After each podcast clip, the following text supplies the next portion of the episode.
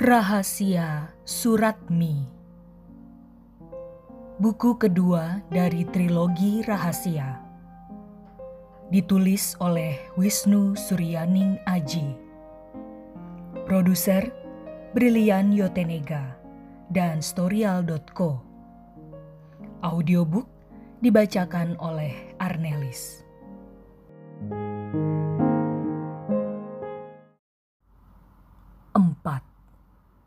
Ini harus dilawan.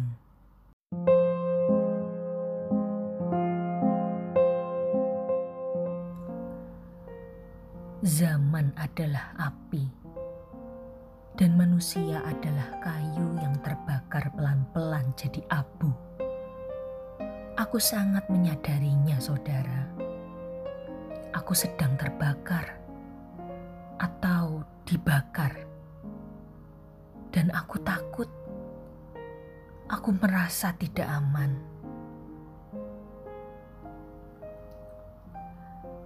Banyak hal yang tidak aku pahami tentang menjadi perempuan Jawa di zaman ini. Aku terancam. Hidup seperti berhenti selepas remaja. Kustiah bahkan belum selesai remaja saat harus menikahi laki-laki bajingan itu. Kustiah anak pintar, paling pintar. Ia mampu berbahasa Belanda seperti mewaris lidah asing itu dari ibunya. Padahal ibunya juga perempuan Jawa. Namun setiap kata bahasa Belanda yang terucap dari bibir Kustiah seperti terlahir bersamanya. Laksana air bening yang merembes dari hulu Bengawan Solo terus ke hilir, mengalir, praktis dan begitu saja. Ia membaca puisi seperti hendak melesakkan air mata ke dalam hati pendengarnya. Ia menyanyi laksana kutilang yang membangunkan ranting-ranting bambu pada sebuah pagi buta. Ia suka Jane Austen Kustia suka menulis dan telaten pada matematika. Tapi semua itu tidak ada gunanya. Itu tidak mengamankan dirinya. Tidak ada gunanya. Aku cuma menunduk ketika Mas Katmo bertanya dengan wajah yang memerah. Aku tahu ia sedang menahan amarah. Kamu tahu apa yang sudah kamu lakukan, Mi? Aku tidak sengaja, Mas. Dia yang kurang ajar. Tidak sengaja menyiram dan menampar putra wedana itu keterlaluan. Suara Mas Katmo menekanku. Temannya Barto baru menghubungiku. Barto ingin menemui Romo. Ia menuntut permintaan maaf dari Romo. Aku yang menampar Berto. Mengapa Romo yang harus minta maaf? Aku menatapnya balik. Loh, pas menyiram mukanya, kamu ndak mikir kalau Romo yang harus menanggung tindakanmu? Aku diam. Kamu dengar, Mi? Aku dengar, Mas. Tapi Romo memang ndak perlu menanggung tindakanku. Aku bukan anak kecil. Sebelum menikah, anak perempuan adalah tanggungan bapak ibunya. Aku bingung harus menjawab apa. Lalu keluar begitu saja. Aku tidak pernah minta ditanggung. Mas Katmo diam, lalu menggeleng-geleng. Tapi aku yakin, aku tidak salah Aku hanya membela apa yang kuanggap benar. Barto adalah bajingan dan layak ditampar.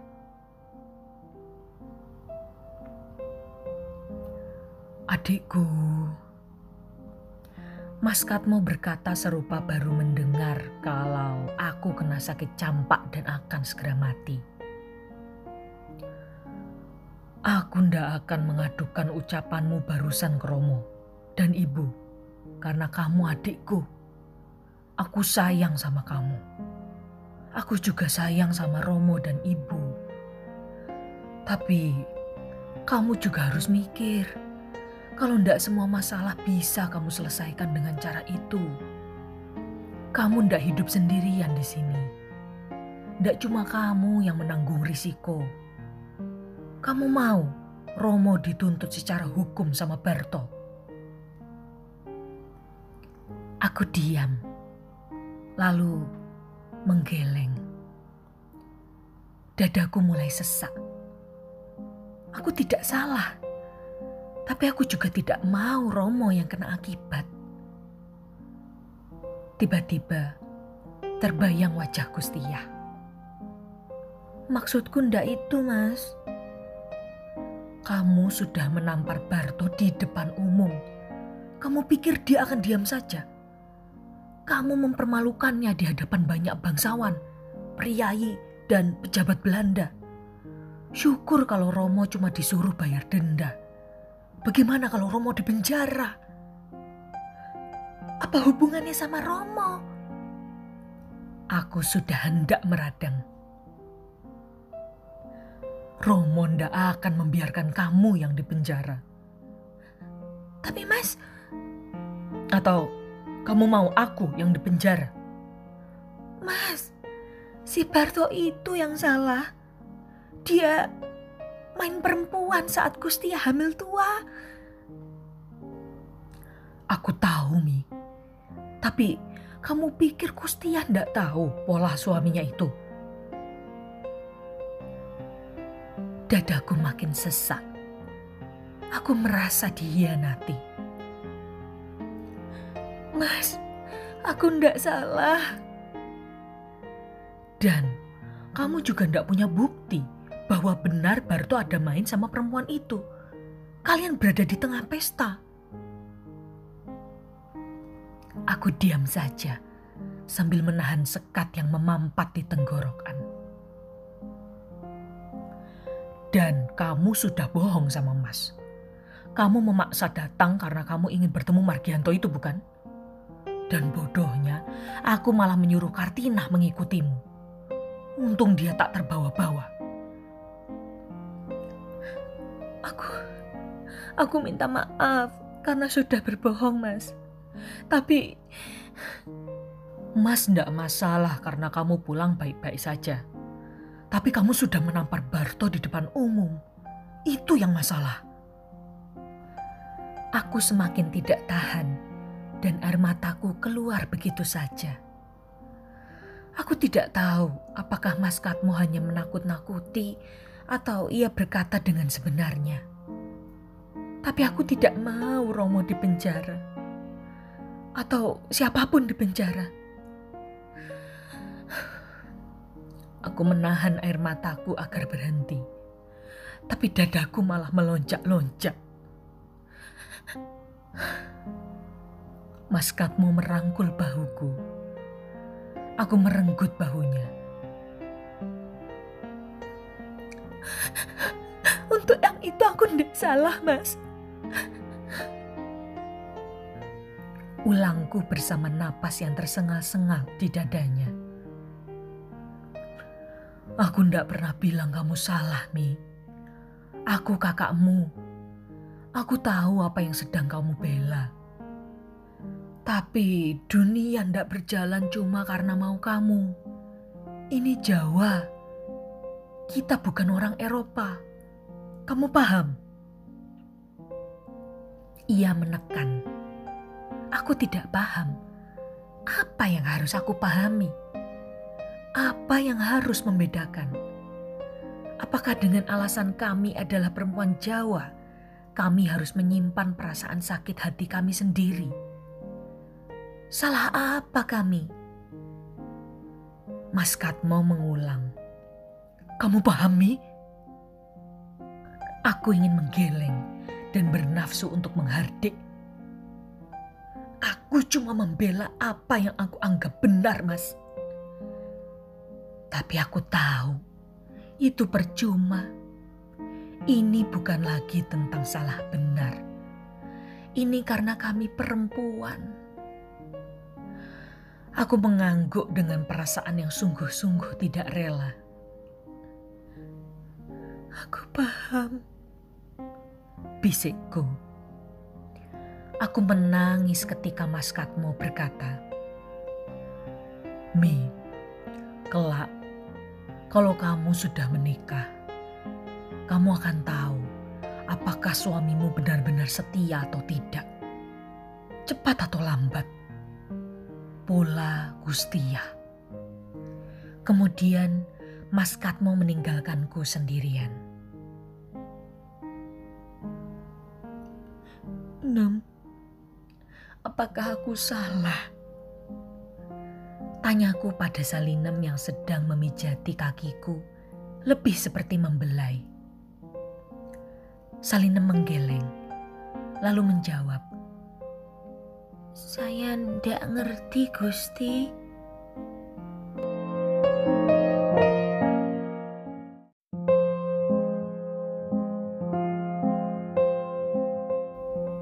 Selanjutnya, aku makin merasa janggal berada dalam rumah ini. Dan suasana makan malam yang terjadi seminggu kemudian telanjur jadi tidak nyaman. Romo tak mau memandang wajahku. Aku menghindar tatapannya kalau hal itu terjadi secara tak sengaja. Ibu memasak bistik. Aku membantunya tadi. Hatiku terasa terlalu rusuh dan memasak bisa membantu menenangkan. Cuma sementara, hati yang rusuh adalah bumbu yang buruk untuk masakan.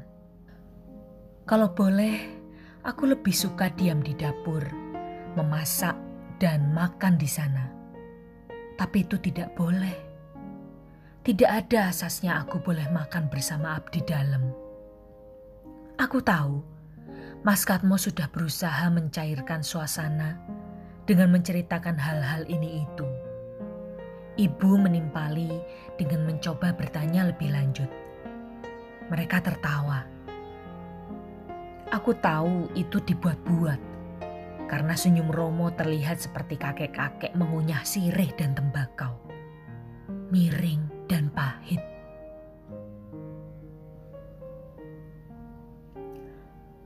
Romo benar-benar meminta maaf pada Barto dan keluarganya. Dan aku tahu kalau itu melukai harga dirinya. Tapi aku tidak mau minta maaf pada Romo. Aku tetap meyakini sikapku. Aku tidak bersalah. Barto pantas menerima tamparanku Bahkan aku sudah cukup baik hanya dengan menyiram minuman ke mukanya. Dan kehadiranku di permintaan maaf itu hanya kulakukan agar Barto dan orang tuanya tak memperpanjang urusan dan perkara. Buntut dari masalah itu adalah tiada pembayaran denda dan tiada orang yang perlu dipenjara karena secara keberuntungan saja yang buatku terasa sebagai kesialan. Keluargaku dan keluarga Raden Subarto berkerabat. Berkat keahlian Mas Katmo melakukan negosiasi, semuanya dianggap selesai lewat permintaan maaf secara kekeluargaan. Aku menyesal telah berkerabat dengan bajingan itu. Keluarga Aku tak pernah membayangkan orang seperti Barto ada dalam keluargaku. Sungguhlah, aku merasa dihianati jika benar Gustiah mengetahui pola tingkah suami bajingannya itu dan membiarkannya begitu saja. Mungkin Gustiah tidak tahu. Aku juga tidak tahu dengan jelas apa yang sesungguhnya membuatku merasa terhianati. Apakah Kustia? Atau budaya ini yang dengan kejam memojokkan Kustia hingga tak berkutik? Mungkin ini ketakutanku sendiri bahwa cepat atau lambat aku juga akan berakhir tak berkutik. Aku tahu waktuku mendekat, berdetik seperti jam besar di tengah ruang yang berdentang-dentang ketika jarum-jarumnya menunjuk angka-angka yang tepat. Aku teringat Pargianto dan meyakini bahwa aku tidak mau berakhir seperti Kustiyah yang terpojok. Aku bukan tikus. Aku Suratmi yang takkan pernah menyerah pada semua kebobrokan ini.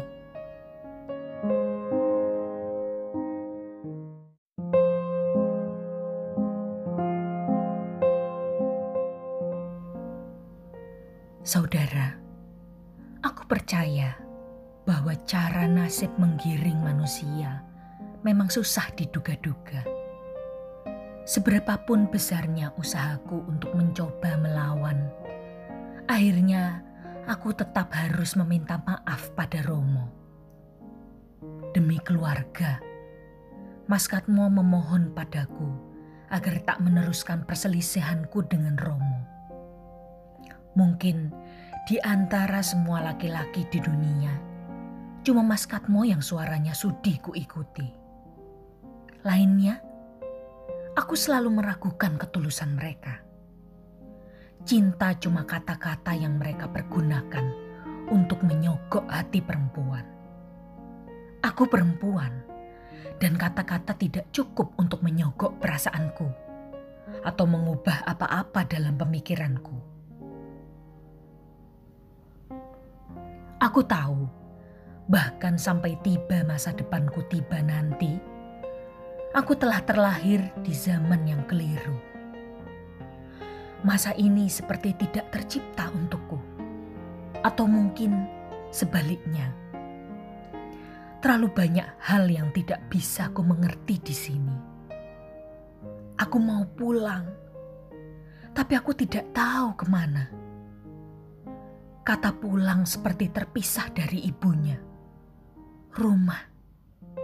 Rumah makin tidak terasa sebagai rumah. Aku beruntung. Aku masih punya Mas Katmo, Kartinah, dan Salinem. Namun, sisanya seperti dunia yang berisi makhluk asing. Wangi kamar Kartinah terasa akrab. Kau tahu, wangi yang bisa membuatmu merasa aman ketika menghirupnya. Beberapa kali dalam sebulan aku menginap di sana. Romo sebenarnya tidak suka aku terlalu sering menginap di rumah Kartina karena katanya membuatnya tampak seperti orang tua yang tidak bisa mendidik anak.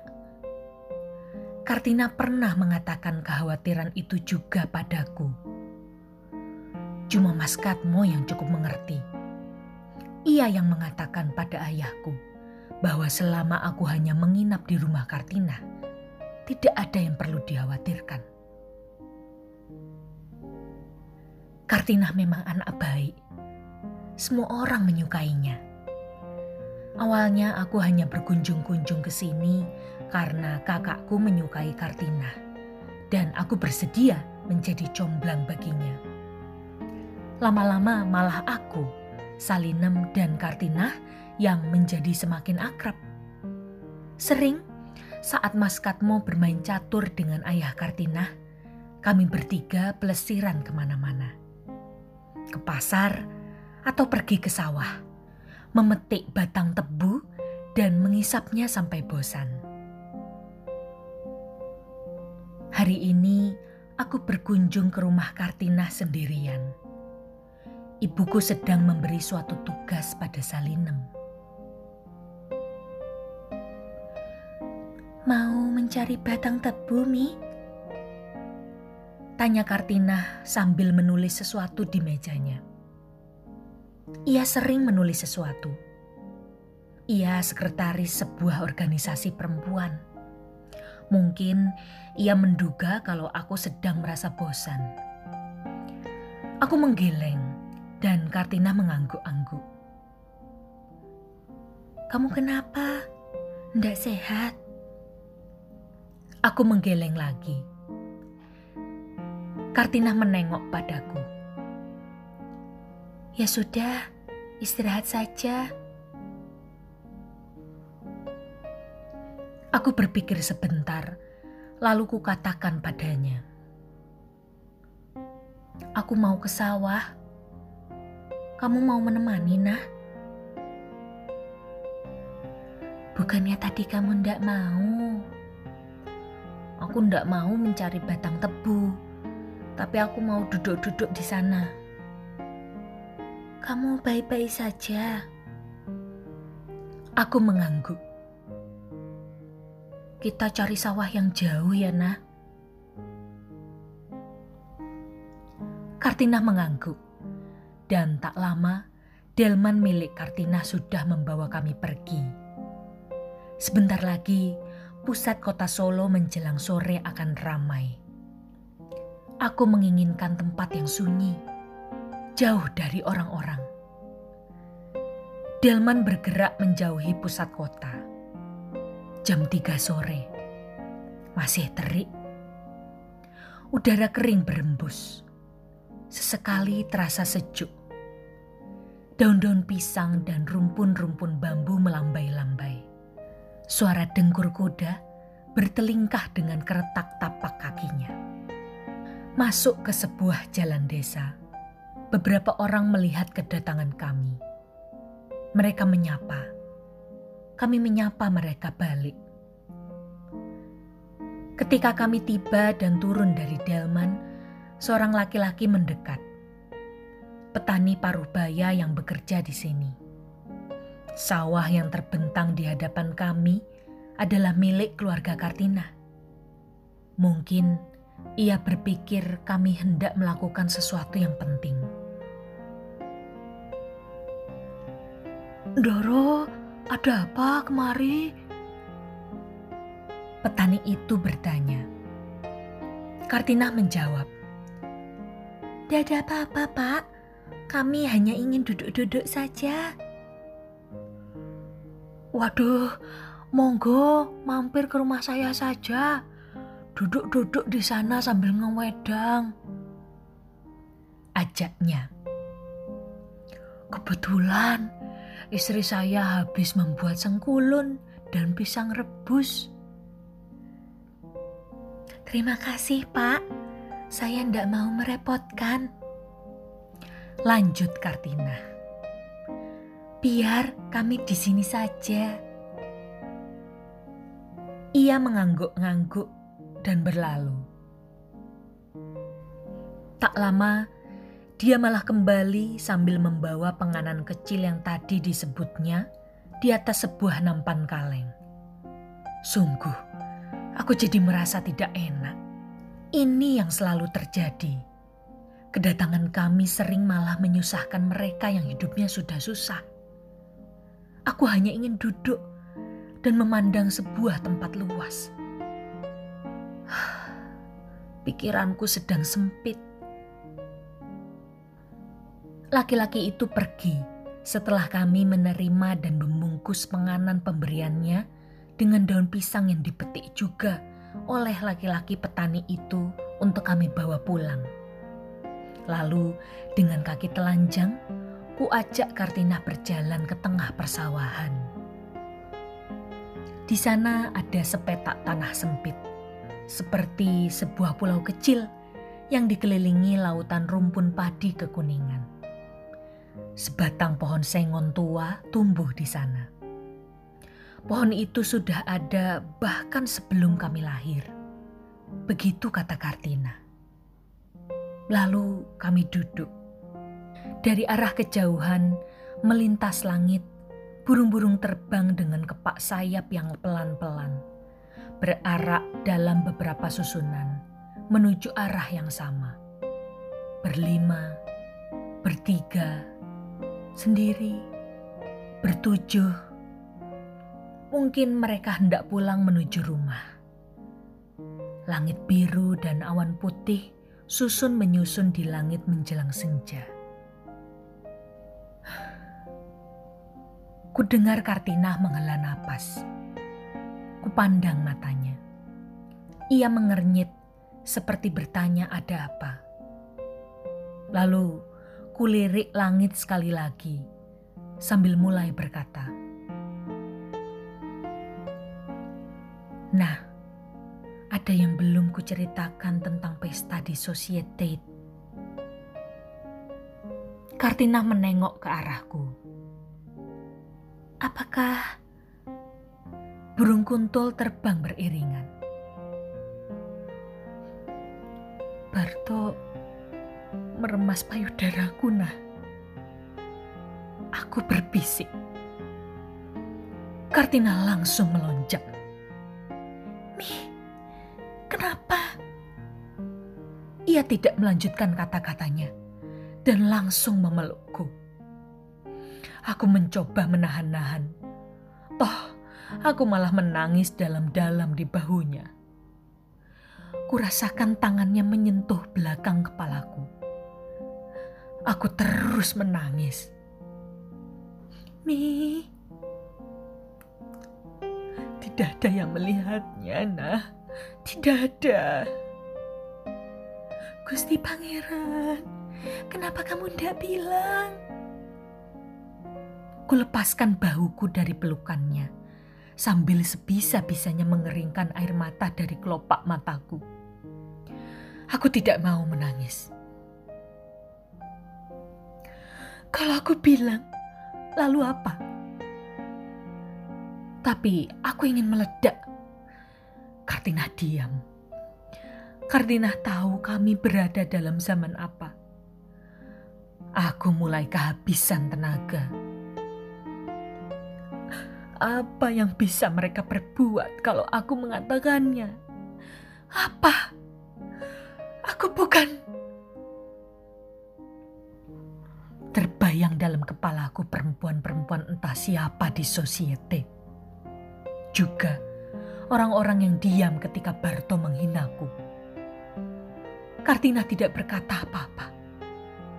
Tapi dari air mukanya, aku tahu kalau Kartina ingin mengucapkan sesuatu dan dia tahu bahwa apa pun yang dia ucapkan akan salah di telingaku.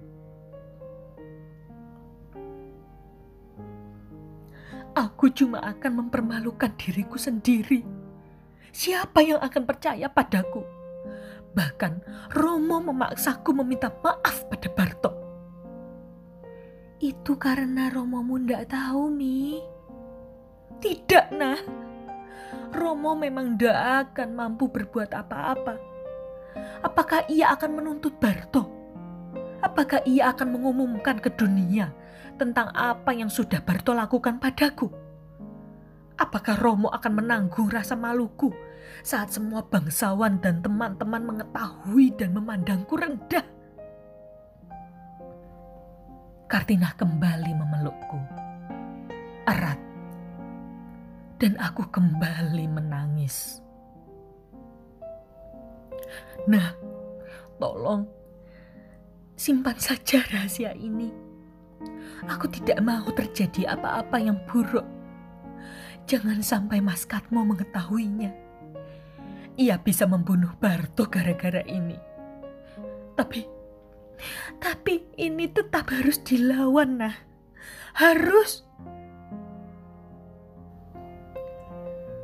Angin dari persawahan telah gagal mengeringkan air mataku dan Kartina terus merengkuh punggung dan bahuku erat-erat dalam pelukannya.